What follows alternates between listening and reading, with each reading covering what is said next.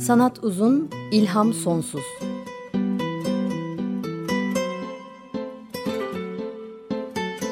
Sanat üzerine psikolojik sohbetler.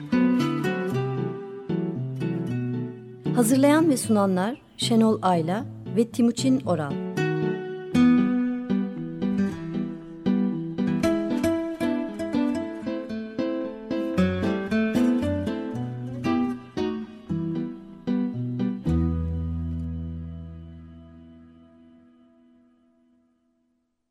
94.9 Açık Radyo'da Sanat Uzun İlham Sonsuz programından merhaba. Ben Timuçin Oral.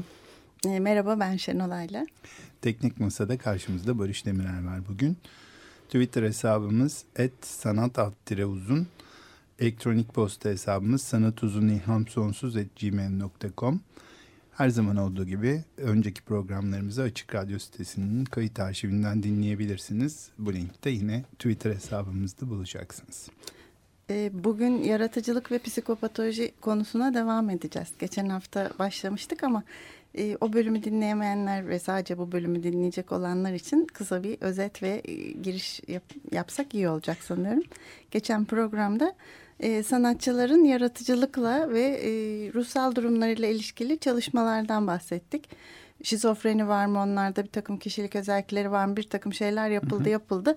O, çalışmaların sonunda geldiğimiz noktada nereye gelmiştik? Daha çok duygu durum bozukluğu e, görüldüğünü sanatçılarda özellikle depresyon ve manik depresif hastalığın daha sık olduğunu ortaya koyuyordu çalışmalar. Tabii farklı çalışmalar da var yani normal toplumdan normal popülasyondan çok farklılaşmadığını iddia edenler de var ama sonuç olarak... E, tabii sadece kendilerinde değil e, sanatçıların ailelerinde e, herhangi bir psikiyatrik bozukluk özellikle de duygu durum bozukluğu görülme olasılığı daha yüksek. Öte yandan e, bu rahatsızlığı olan kişilerin de yaratıcılık skorları normal popülasyona göre daha yüksek. Yani zaten. daha sık oluyor onlarda demiştik. Evet Peki, daha sık görülüyor. Mani ve depresyondan bahsetmiştik. Onları da kısaca söyleyebilir miyiz? Burada da çok kullanacağız çünkü duygu durum bozukluğu derken ne diyoruz? Bipolar bozuklukla neyi kastediyoruz? Onları da kısaca söyleyebilir misin hocam? Evet çok detaylandırmadan evet. söyleyelim istersen. Çünkü onun üstüne bir şeyler devam Hı -hı. edeceğiz bugün. Evet. Ee, normalde hepimiz zaman zaman kendimizi daha iyi ya da daha kötü hissederiz. Bu, bu bizim mizacımızın içinde, kendi içinde dalgalanan bir seyir gösterir zaten diye konuşmuştuk.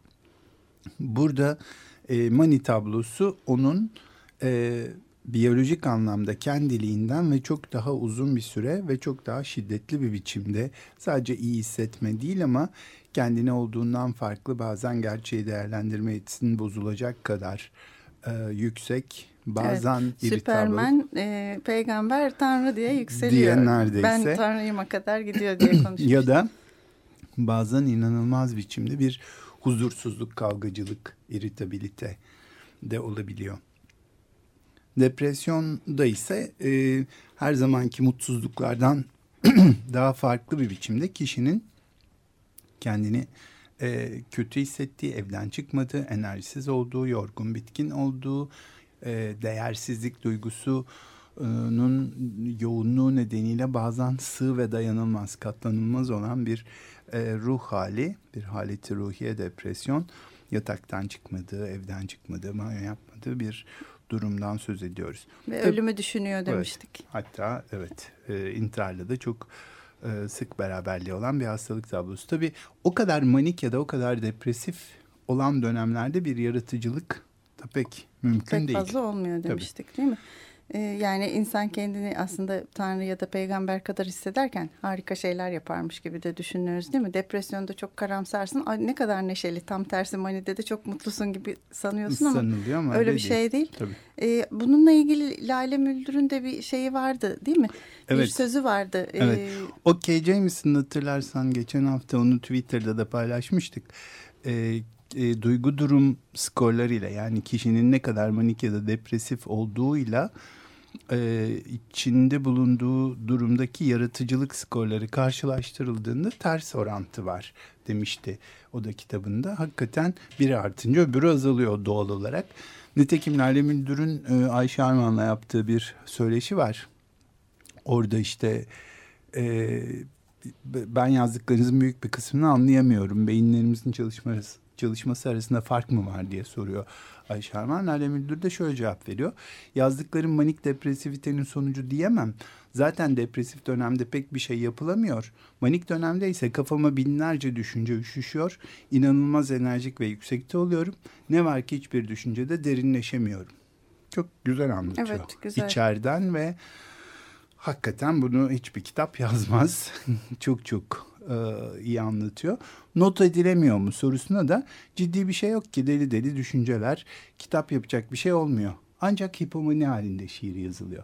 Yani işte o yaratıcılığın e, olabilmesi için e, ruh halinin de duygu durumunun da belli bir düzeyde ancak yükselmesi mümkün. Çok tavana kadar vurmayıp Evet. bizim gibi günlük normalimizde de olmayıp arasında bir yerde. Yani hipomani dediğin o değil mi? Evet yani e, bir kendiliğinden enerjik olma hali yaratıcılığı da besleyecek şekilde enerjik olma hali ama kontrollü bir e, enerjik olma hali. Tabii o hastalık tablosu olduğunda orada durulamıyor maalesef oradan daha yukarı gidiyor da e, ama şey olarak durum olarak kist olarak bakarsak orası gibi. Bir- Birçok da insandan bahsetmiştik. Yaratıcı insandan Evet. geçen dönem. Onları da kısaca E, isimlerini onları söyleyelim mi? hatırlatalım. Onlar arasında aslında bu söylediklerimi çok e, bu Lale Müldür'ün söylediklerini daha doğrusu çok iyi anlatan birisi var. Robert Schumann. Hmm. E, Robert Schumann'ın e, yanı sıra aslında pek çok besteci var demiştik. Berlioz, Elgar, Mahler, Rahmaninov, Tchaikovsky, e, Cazcılar var. Bruckner, Handel, Mussorgsky, Rossini gibi bir de tabii cazcılar var. Charlie Parker, Charlie Mingus, Cole Porter filan gibi. E, başka daha çağdaş besteciler de görece var. Kurt Cobain var tabii, Axl Rose var yani onları Bugün da bahsedeceğiz. evet. bahsedelim onlardan. Bunlar için de yani tabii ressamlar, yazarlar, şairler onlardan bahsetmiştik. Ama bu e, spesifik olarak hani bu yaratıcılıkla ilişkisine bakınca Robert Schumann'ı belki örnekleyebiliriz. İki şey çok dikkat çekiyor. Bir tanesi hani söylemiştim ya bu kişilerin ailelerinde de bir takım ruhsal bozukluklar daha sık görülüyor diye. E, nitekim Robert Schumann'ın aile ağacını çıkartmış e, bir e, İngiliz e, dergisinde British Journal of Psychiatry'de bir araştırmacı ve e, orada görülüyor ki Robert Schumann'ın babası aslında bir e, ne olduğu tam bilinmeyen bir ruhsal bozukluğa sahip. Babasının amcaoğlu e, 41 yaşında bir ruhsal rahatsızlık nedeniyle intihar ederek ölmüş. Robert Schumann'ın kız kardeşi Emily e, yine bir ruhsal bozukluğa sahip ve intihar ederek ölmüş. Muhtemelen depresyonda. O da Robert Schumann'ın da bir intihar girişimi var. Hmm, Öyle ölmemiş ama e, hastalığı da hayatı boyunca manik depresif hastalığı izlemek mümkün. Oğlu Ludwig de yine bir ruhsal rahatsızlığa sahip. İlginç olan Robert Schumann'ın bu iniş çıkışlarını e, dışarıdan bakanlar çok iyi tarif ediyorlar. Mesela Sidney Finkelstein e, kaynak yayınlarından çıkan Müzik Neyi Anlatır e, kitabında Robert Schumann'dan şey diye bahsediyor. E, müzik ve eleştirel yazıları iki ayrı kişiliğin ürünü gibiydi. Bu farklı kişilik diye tanımlamak hani psikiyatriye ya da mesleğe yabancı olan insanlar için sık Daha kolay söylenen bir şey. şey, Dr. evet. Jekyll Mr. Hyde örneğindeki gibi. Halbuki onlar kişilik değil aslında. Bir ruh hali, haleti ruhiye farkı. Onun da e, Schumann'ın da hırçın olan bir e, haleti ruhiyesi var. Ona Florestan adını takmış. E, bir tanesi de daha düşsel bir tipmiş. Ona da Ösebius adını vermiş. Yani sanki çoğul kişilik gibi ama Evet. değil aslında. Bu onun kendi e, şeyini, duygu durum dalgalanmalarını anlatıyor ve e, Finkelstein onun için çatışma gerçek yaşamda değil yüreğinin içindeydi diyor. Nitekim belki bunu Twitter'dan paylaşırız. Evet bunu Değil mi? paylaşalım. Eserleriyle haleti ruhiyesi, ruh hali, ruh duygu durumu arasındaki ilişkiye baktığımızda depresif dönemlerindeyken e, hiçbir şey üretemediği görülüyor. Eser olarak, miktar olarak. Ama tıpkı Lale Müldür'ün dediği gibi hipomanik dönemlerindeyken inanılmaz üretken. Çok üretken. Çok evet. sayıda e, bestesi var. Nitekim Bunlar da ee, gönderelim. 1854'te bir intihar girişiminde bulunuyor. Ondan sonra hiçbir şey e, üretemiyor. 1856'da 56'ya da- kadar böyle gidiyor ve 56'da, da 56'da. maalesef e, ölüyor. O zaman Schumann dinleyelim mi? Güzel bir zamanda. Schumann dinleyelim. Hatta belki Kay Jameson'ın söylediği bir şey var. Ee, hani bir parçasının içinde şeyi çok iyi anlatıyor. Ee, iniş çıkışları. Ee, Ha evet e, bir piyano için bir gene bir beserinde David Bündler Tense'de Hı. e, yarım saati geçen bir m, parça onu çalmayalım. E, onun içinde de manilerini ve depresyonlarını yansıtabilecek güzel çıkışlı inişli parçalar Evet. bölümler var diyor. Evet, belki onu Onu dinlemek, dinlemek isteyenler mümkün için YouTube'da ismini Evet. ve şeyini bir daha gönderebiliriz. ismini. David Bündler Tense. Evet. David E, Müntler ama biz onu dinlemeyeceğiz şimdi. Neyi dinliyoruz? E, Schumann, Robert Schumann'ın arabeskini dinleyeceğiz. E, Do majör opus 18. Piyanoyu Yevgeni Kisin çalıyor.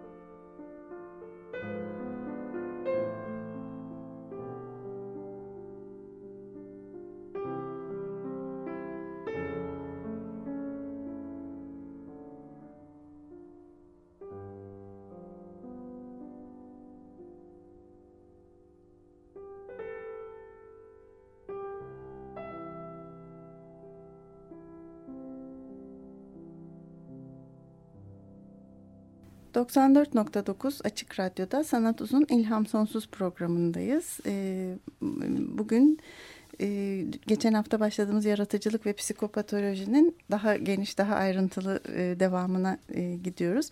Şimdi en son Schumann'ı konuştuktan sonra Schumann'ın arabeskini dinledik. E, sadece müzisyenler değil ressamlardan da bahsetmiştik. Bir sürü ressam var. İsim olarak bahsetmiştik. Kimler vardı? Evet yazarlar, şairler, ressamlar. Ressamlar arasında da ya da ressam belki şeyleri de hmm, e, heykeltıraşları da e, e, dahil etmek gerekir. E, Gauguin var, e, Gorki var, Arşil Gorki, e, Kirchner var, George O'Keeffe var, Amerikalı. Vincent van Gogh var, e, George Ines var ve Landseer var ama e, işte hani Rodin'in, Frida Kahlo'nun, e, tabii Camille Claudel'in falan onların da e, adını burada geçirmek lazım. Onları K. James'in e, dahil etmemiş. E, belki o duygu durum bozukluğu olmadığı için dahil etmemiştir ama e, onlardan da söz etmek lazım. Ruhsal sorunları olduğu biliniyor. Evet onlarda. yani Camille Claudel'i ve Frida Kahlo'ya ayrıca bölümler ayırmak daha akıllıcı olur Belki gelecekte değil mi? Onlardan da Şimdi bahsederiz. o zaman bir, bir e, Aslında ressam... tabii şeyden de özür dilerim kestim. E, Van Gogh'tan da söz etmek gerekir. E, Edward Munch'tan da ama onları e, yani başka bir bağlamda e, zaten yaratıcı olan sanatçıların hastalanması bağlamında konuşalım. Çünkü ayrıca bir, bir bölüm. E, bölüm ve hikaye. Ama burada hani e, belki var olan hastalığının e, çok iyi biliniyor bilinmiyor. Yol açtığı durumları da konuşmak iyi olur. Evet. Yani işte Gauguin belki Arşil Gorki öyle örnekler olabilir. Peki o zaman şimdi söyleyeceğimiz ismi bakalım. Arşil Gorki mi? Ee, aslında şöyle diyecektim. Manuk Vostanik Adoyan. Evet ya. Orijinal adı, esas adı bu. Bunu söylediğimizde Arşil Gorki çok az insanın adına geliyor ama e, acıklı bir hayat öyküsü var. Evet. E, Osmanlı İmparatorluğu'nda başlayıp Amerika'da son bulan. Son bulan vatandaşımız. Ve biz onu Arşil, aslında. Evet, Arşil Gorki, Gorki olarak biliyoruz. biliyoruz. Yani dünya öyle biliyor. Aslında Aras Yayıncılık'tan e, Nurit Samatosyan'ın e, Arşil Gorki Karamelek kitabında söz ettiği bir tanım var şey diyor. Çağdaş Türkler ondan tü, tümüyle bir haber diyor. Hmm. E, gerçekten çok az biliniyor muhtemelen. E, aslında ders kitaplarında okutuluyor olması gerekir değil mi? Evet. Bu topraklarda evet. doğmuş dünyanın en ünlü soyut dışa vurumcularından bir tanesi. Şimdi ondan bahsedeceğiz. Evet 15 mesela. Nisan'da 1904'te doğmuş. Onunla ilgili de çeşitli e, rivayetler var. E, 13 yaşında işte tehcir sırasında ayrılmış gibi görünüyor. Büyük felaket sırasında ya da o e, sırada muhtemelen 13 yaşını Annesini hesaba kaybediyor. katarak Evet yani 1915'ten geri giderek 1902 veya 4. Annesini de kaybediyor evet. Ee, ve Amerika'da ölüyor senin dediğin gibi. Ee, Van Gölü kıyısındaki e, Horkom köyünde. Adı da zaten ilginç. Ee, Vostanik e, e, annesinin köyü. E, Vostanik bugünkü Gevaş. Evet. Ee, bir Amerika'ya gidiyor gerçekten o annesini de kaybettikten sonra Boston'da Güzel Sanatlar Tasarım Okulu'na kaydoluyor ama o yıllarda Amerika'da da tuhaf bir tavır var. Ee, okullara Rusları ya da Amerikalı şeyleri Almanları e, ressam olarak e, ya da resim öğrenmek üzere kaydediyorlar. Örneğin Ermeni ise e, onları da işte fabrikada çalışsın diye gönderiyorlar. Arşil Gorki de e, dahiyane bir buluşla kendisini Rus olarak tanıtıp Maxim Gorki'nin soyadı olan Gorki ile Maxim Gorki'ye belki şey yakın Arşil hmm. Gorki diye bir isim oluyor. Onun akrabası sanıyorlar. O da bundan gayet memnun. E, Arşil işte biraz Ermeniliğine gönderme Arşaka, yapan gibi. Artsumiye, Arsi ve e, ithafen Ar hecesiyle başladığını evet. yazıyor kaynaklar. Ee, annesiyle bir tablosu var. Bunu Twitter'dan paylaşalım. Aslında bu bir fotoğraf. O fotoğrafı resmetmiş. Ee, annesinin yanında kendisi ayakta duruyor. Ee, ilginç olan o resimde e, annesinin ellerini çizmemiş. E, nedense bununla ilgili sanat tarihçileri çeşitli yorumlar yapmışlar. Biz de bakıp karar veremedik niye çizmemiş acaba evet, diye. E, bize hatta baktığımızda e, daha duygusal bir sebepleymiş gibi geldi bana da ama Evet. sanat tarihçileri teknik bir şey söylüyorlar.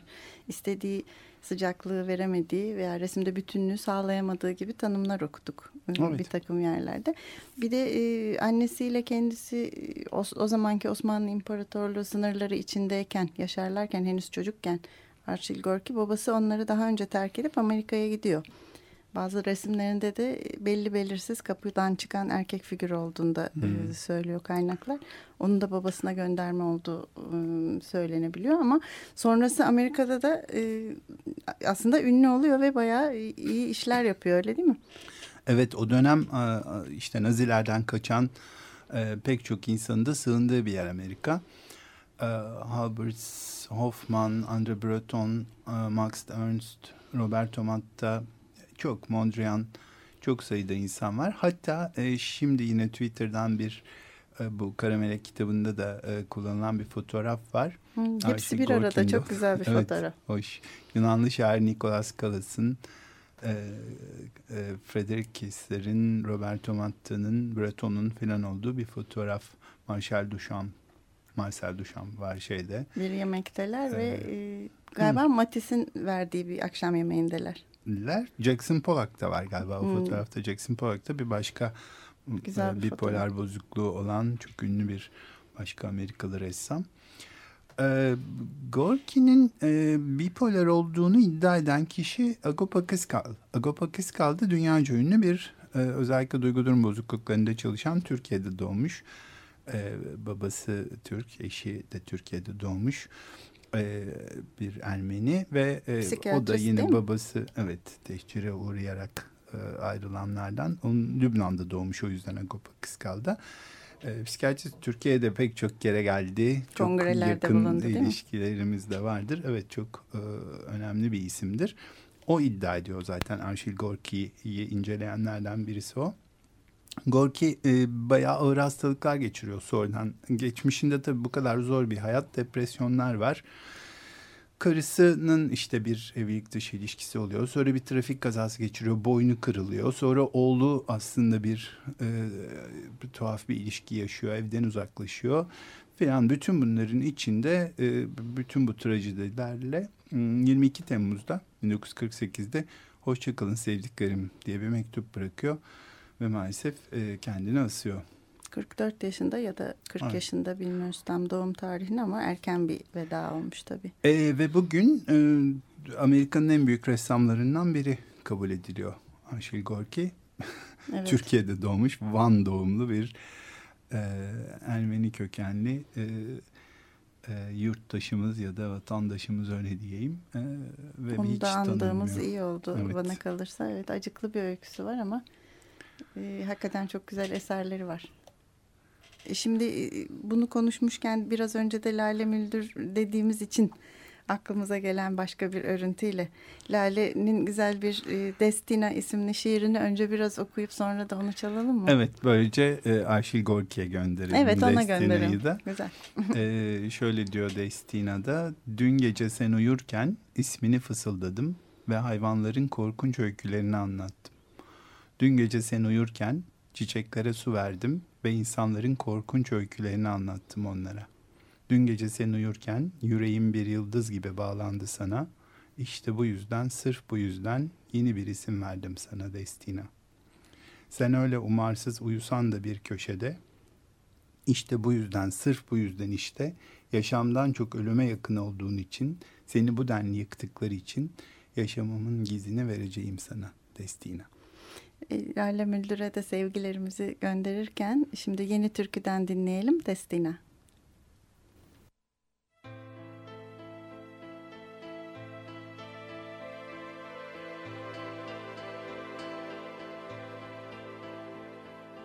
Dün gece sen uyurken ismini fısıldadım Ve hayvanların korkunç öykülerini anlattım. Dün gece sen uyurken çiçeklere su verdim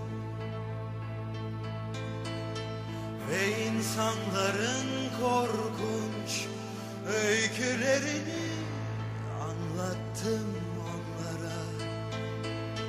Dün gece sen uyurken yüreğim bir yıldız gibi bağlandı sana İşte bu yüzden, sırf bu yüzden yeni bir isim verdim sana.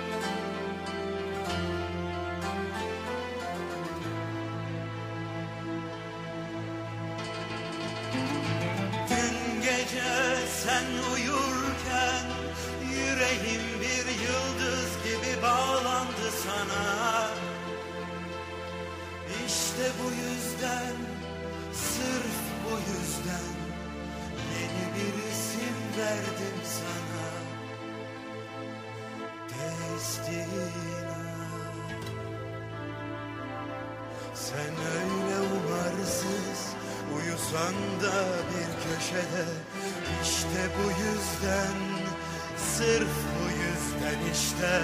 Yaşamdan çok ölüme yakın olduğun için seni bu denli yıktıkları için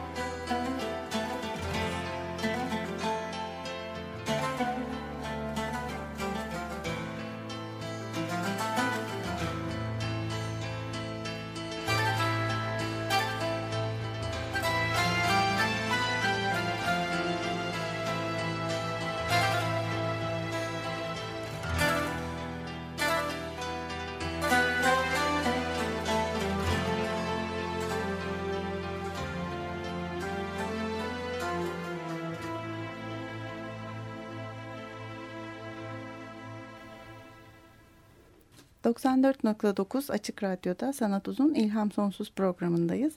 Ee, yaratıcılık ve psikopatolojiyi konuşuyoruz bugün. Yeni türküden dinledik. Destina Lale Müldür'ün güzel şiiriydi. Ee, yazarlar ve şairler de demiştik. Onların bir kısmının ismini geçen sefer de vermiştik ki e, hastaneye yatanlar, intihar girişiminde bulunanlar, intihar edenler de var aralarında. Hatta demiştik ki işte bunların bazılarına e, Virginia Woolf gibi belki daha uzun zamanda ayırmak e, iyi olur. E, işte Robert Louis Stevenson var ki hani bu Dr. Jekyll Mr. Hyde nedeniyle çok e, aslında hastalığını o da gayet iyi bilip belki de anlatan birisi.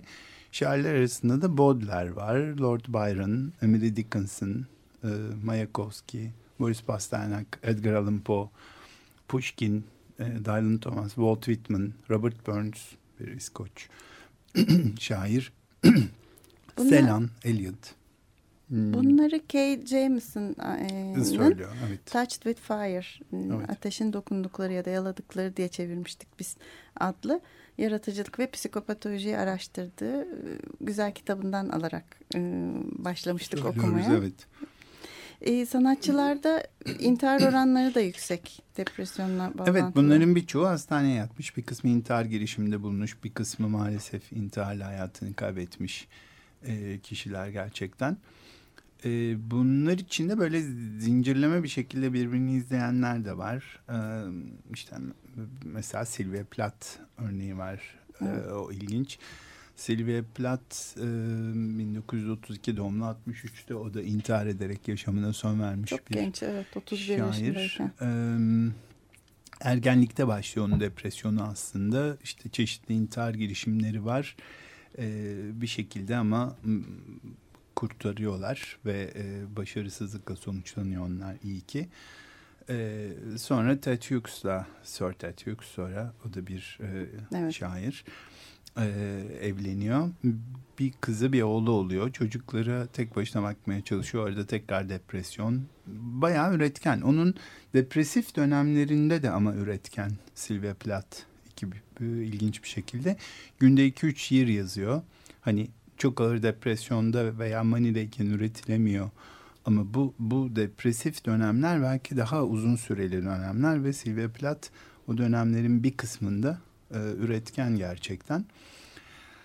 E, peş peşe çok sayıda e, şiiri var. Günde 2-3 şiir yazdığı Yazdığı dönemler olmuş. bile var. 1962-63 yılları arasında ki son yılları. Yani işte bu da Da var. acaba hani tam da bir depresyon değil miydi? O bir karma Evet. dönem miydi? Bir yandan acaba bir enerji artışı da var mıydı bilmiyorum. Tabii bunlar postmortem yani e, ölüm sonrası geriye dönüp Geriye dönüp araştırmak bakılan. çok mümkün değil tabii. Evet. Yani Kesin bir şey söylemek söyleyemiyoruz çok ancak zor. E, varsayıp çıkarsamada Evet. bulunabiliyoruz değil Yani mi? olsa olsa gibi. Ee, Biraz e, karamsar bir program oluyor ama Sylvia Plath'a e, Başka an- anmamız söyleyelim? gerekiyor. Evet. Şubat 1963'e gelirsek e, hep konuşulan soğuk bir kış günü ve Londra'nın soğuğu değil mi? Evet. Sabah çok erken kalktı diyor. Çocuklarına bir tabak dolusu kurabiye ve iki bardak süt hazırladı. Mutfağa geri döndü. Fırının kapağını açtı ve düğmeyi çevirdi. Fırının kapağına bir havlu sermişti. Dizlerinin üzerine çökerek başını havlunun içine aldı. Başı fırının açık kapağına dayalıydı. Eve temizliğe gelen kadın kapıyı kilitli buldu. Gaz kokusunu hissetti ve polisi aradı.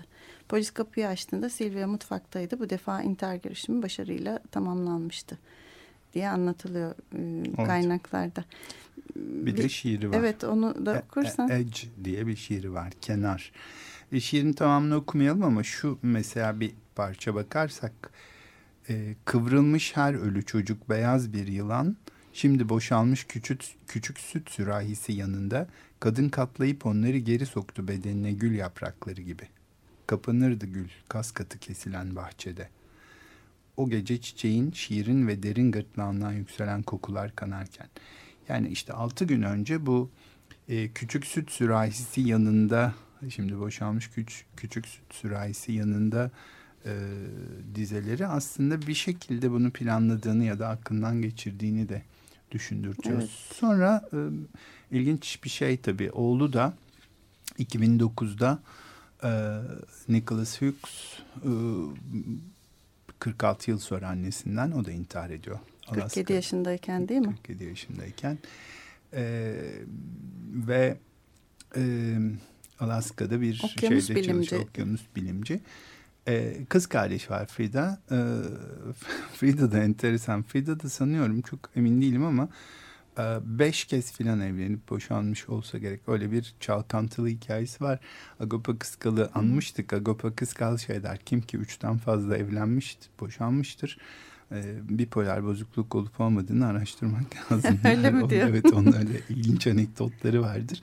Dolayısıyla bilmiyorum öyle midir ama hani oğlunun Kıskal depresif dediyse olması, dikkat etmek lazım. kızının da önemli. böyle bir öyküsünün olması hakikaten öyle bir düşündürtüyor. yük Öyle, olduğunu, midir? genetik yük olduğunu Evet. düşündürüyor değil mi? Tabii ilginç yani bu bir hani biz e, silsile izliyor derken e, ilginç bir şekilde mesela Sylvia Plath'la ilgili tez hazırlayan e, bir Türkiye'den bir şair bu kez Nilgün Marmara e, da e, yine e, yaşamına aynı şekilde intihar ederek son veriyor.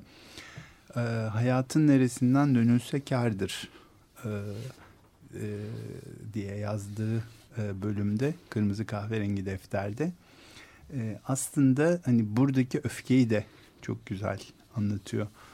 E,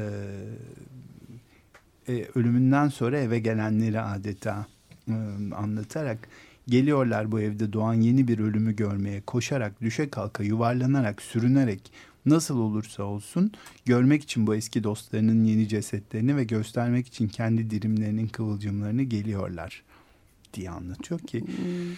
Çok da öfkeli. İlginç e, olan şey e, bilinmiyor olması. Garip. Yani eşi e, e, intiharın sebebi belliydi. Manik depresifti. Zaten şiirlerine bakarsanız intihar ve ölüm teması olduğunu görürsünüz diyor. Bir köşede e, bir şeyler yazardı. Abi bakıyoruz şiir yazmış gibi anlatıyor bir e, şeyde. Cemal E, Süreyya'nın da e, daha aslında iyi gördüğünü düşünüyorum belki de. Bunun, bunun sözleri de güzel değil mi? Evet. Nilgün Marmara hakkında. O da işte Nilgün ölmüş beşinci kattaki evinin penceresinden kendini e, aşağı atarak canını kıymış. Çok değişik bir insandı Zelda. Zelda diyorlar. Zelda demelerinin sebebi de e, Amerikalı yazar Scott Fitzgerald'ın karısı Zelda. E, Great Gatsby, Muhteşem Gatsby'yi yazan. E, onun karısı da çılgın bir kadın ona atfen öyle diyorlar. Ee, akşamları belli saatten sonra kişilik hatta beden değiştiriyor gibi gelirdi bana. Yüzü alırır bakışlarına çok güzel ama ürkütücü bir parıltı eklenirdi. Çok da gençti. Ee, sanırım 30'una değmemişti daha diyor Cemal Süreya. Şairane bir şekilde söylemiş Evet. o da. Güzel Dönüp- söylemiş. Dönüp baktığımda bir acı da buluyorum Nilgün'ün yüzünde. O zamanlar görememişim. Bugün ortaya çıkıyor diyor. Halbuki Nilgün Marmara şöyle diyor bir şiirinde. Çok yalnızım, mutsuzum. Göründüğüm gibi değilim aslında. Karanlıklarda kaybolmuşum. Bir ışık arıyorum, bir umut arıyorum. Aradıkça batıyorum karanlık kuyulara. Kimse duymuyor çığlıklarımı. Duyan aldırış etmiyor, çekip kurtarmak istemiyor. Bense insanların bu ilgisizliği karşısında ilgiye susamışım, ümidimi yitirmişim. Biliyorum bir gün dayanamayacak küçük kalbim. Arkamı dönüp inandığım ve güvendiğim her şeye veda edeceğim. Ee, çok net söylemiş aslında değil Söylemiş, mi? evet. Söylüyorum ve beni duymuyorları da söylemiş. Söylemiş. Her şeyi söylemiş. Aslında e, biraz kendimizi kalkındırmak için e, Sylvia Plath isimli ama çok güzel e, karamsar olmayan bir şarkı dinleyelim, mi? Ryan Adams, Ryan e, Adams'tan, söyleyecek. 2001 tarihli Gold albümünden dinliyoruz Sylvia Plath.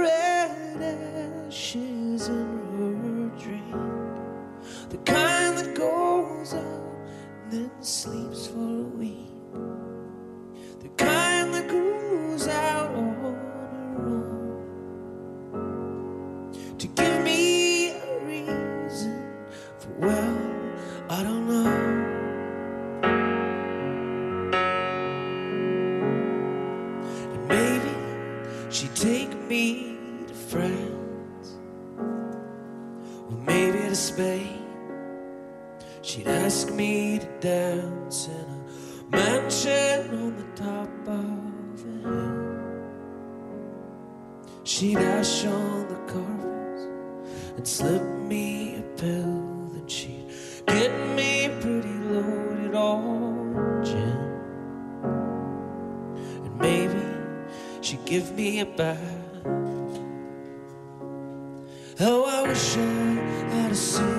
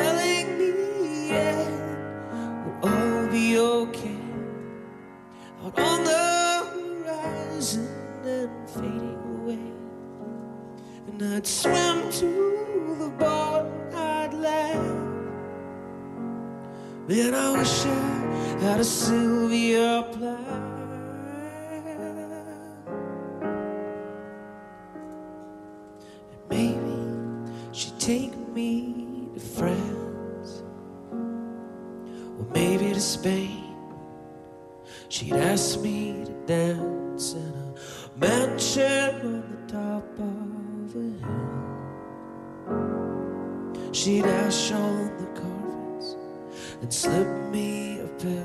Then she'd get me pretty loaded on gin. And maybe she'd give me a bath. Oh, I wish I had a Sylvia Plath. Oh, wish I had a Sylvia Plath.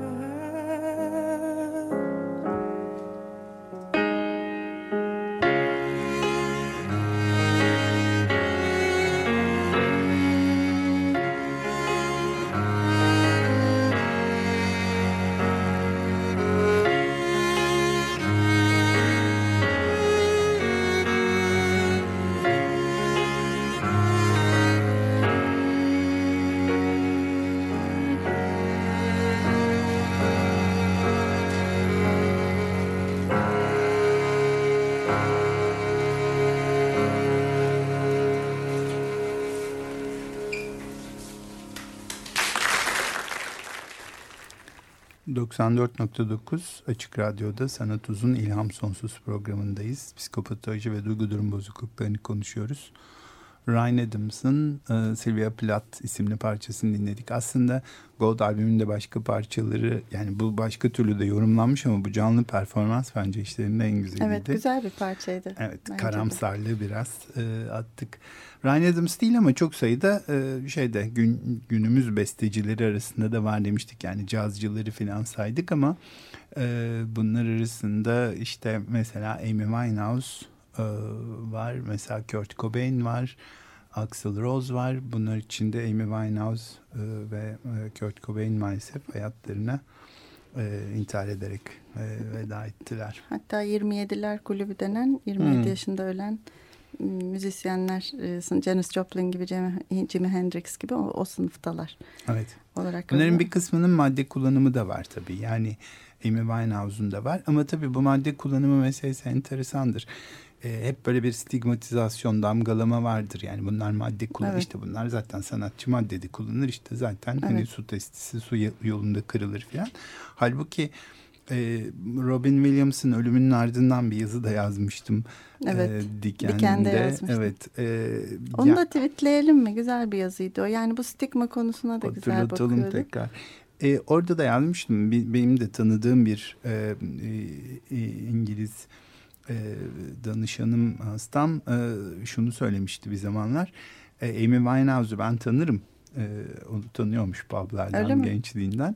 E, o yani maddede kullanırdı ama aslında o bir e, duygu durum bozukluğu olan bir Hmm. kişiydi. Yani bazen işte bu madde kullanımı şey içinde duygu durumu iyileştirmek için de ya da Hmm. kendilerince bir tedavi yolu olarak da görülebiliyor. Çok yanlış tabii. Daha da kötü hale getiriyor ama tabii bilmedikleri için öyle Bir yapıyorlar. çare arayışı gibi de başvuruyor. Tabii, muhtemelen- için de çok, onun içinde. çok tipik Amy bir şekilde. Winehouse içinde. Evet. Kurt Cobain'inki biraz daha acılı galiba. Evet bayağı acılı. Ee, çoğumuz biliyoruz aslında bunlar göz önünde yaşanan şeyler. Schumann'ı falan çok Tchaikovsky'yi bilemiyoruz. Geriye dönük kısıtlı kaynaklara bakıyoruz ama günümüzde artık Amy Winehouse'un, Kurt Cobain'in durumları çok ortada yaşanan şeyler. Hı hı. Üstüne daha çok spekülasyon yapılıyor. Belki daha kötü oluyor tabii e, muhtemelen. Ama hatırlarsak e, 1967 doğumlu 1994'te de öldü Kurt Cobain.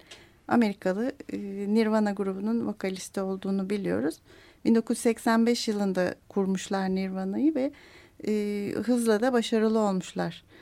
E, en ünlü olan 1991 senesinde yayınlanan Nevermind albümündeki Smells Like Teen Spirit ile e, liste başlarına çıkmışlar ve X kuşağının bayrağı önde görünen grubu adını almışlar. E, bir neslin sözcüsü olarak da nitelenmiş. Öldükten sonra da o efsane sürdü zaten. Hı hı. E, hayat öyküsü gerçekten şey değil, çok e, iç açıcı değil. E, gayet dindar bir ailenin çocuğu olarak doğmuş ve e, daha sonra müziğe kendini verdikten sonra uyuşturucu kullanımı çok var. 13 yaşında başladığını yazıyor kaynaklar. Marihuana ile başlamış. E, çeşitli ilaçlar, alkoller ve eroine kadar gitmiş.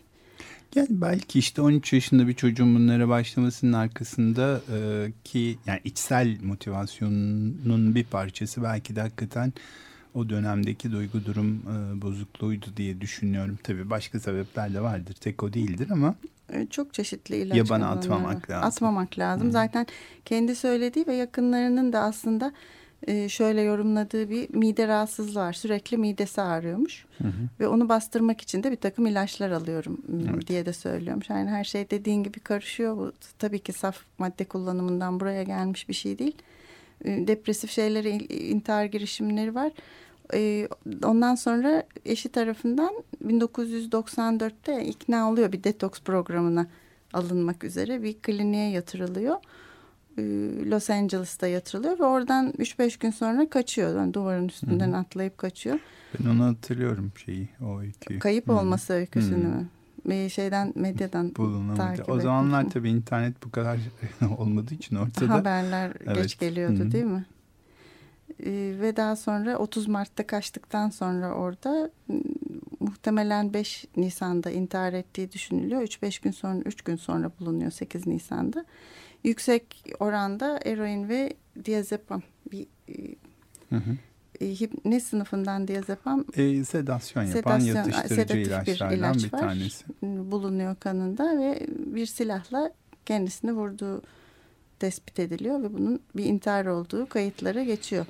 Ee, Zaten düşündüklerimizi destekleyecek Lityum diye bir şarkısı var. Tabii yani Lityum Sunshine Lithium çalmıştık. Sunset. E, Sunset'le Sunset'te, başlamıştık. Pardon evet, Sting'e doğru, Sting'le. çalmıştık. Ee, Lityum şarkısı var değil mi? Neler diyor orada? Ee, gayet e, mutluyum. Bugün arkadaşlarımı buldum. Kafamın içindeler Hı. diyor. Onlar benim hayalimdeler.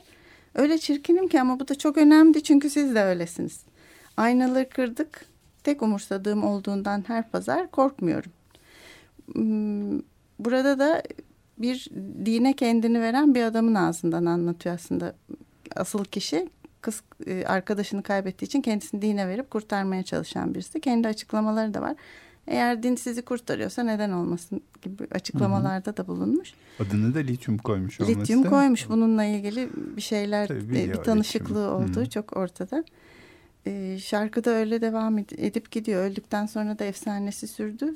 E, yaşadığı şehirde parka adı verildi. İnsanlar orada günlerini geçirdiler. Hala da öyle gidiliyor, ziyaret ediliyor. E, çok genç biten gene başarılı olabilecek bir müzik hayatı ama dediğin gibi hani o onu tetikliyor, o onu tetikliyor. Karışık da bir durum. Evet. Bunlar olmasaydı ne olurdu diye sormamız çok zor. E tabii evet iki tane Kurt Cobain olsaydı biri öyle biri öyle olsa Bu çalışmayı yapabilirdik diyorsun. Ama evet hiçbir zaman olmayacak. Evet olmayacak. O zaman belki e, Nirvana Nirvana, ile ile bitiririz bitirelim. ama ona geçmeden önce hoşçakalın diyerek Ee, Nirvana'ya evet. geçelim. E, 94.9 Açık Radyo'da Sanat Uzun İlham Sonsuz programında bugün e, yaratıcılık ve psikopatolojiyi konuşmaya devam ettik. Daha da birkaç hafta devam edeceğiz. Evet bu hafta duygu durum bozukluklarından sıkça bahsettik. Ee, haftaya belki e, rahatsızlığı olan insanların ürettikleri sanattan daha sonra belki alkol maddeyle ilişkisinden bahsetmeye devam edeceğiz. Evet, e, hoşçakalın demeden önce Barış Demirel'e Teknik Masa'da teşekkür ediyoruz. E, ve haftaya buluşmak üzere hoşçakalın diyoruz. Nirvana'dan Lityum'u dinliyoruz. Hoşçakalın.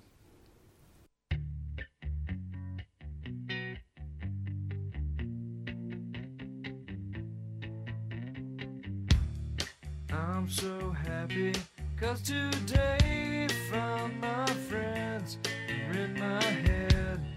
I'm so ugly, that's okay cause so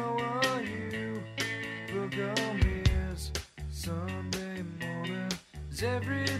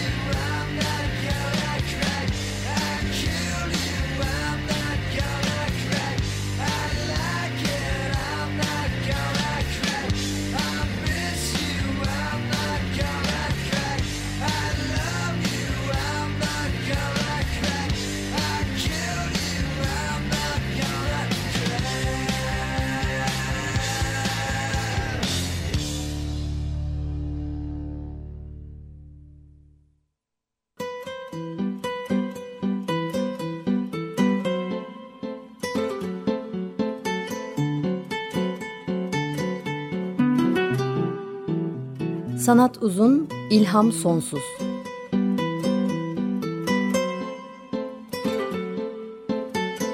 Sanat üzerine psikolojik sohbetler.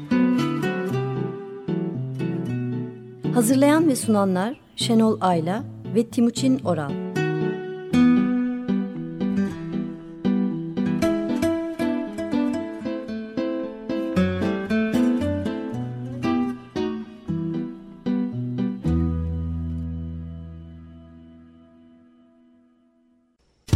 Radyo program destekçisi olun. Bir veya daha fazla programa destek olmak için 212 alan koduyla 343 41 41.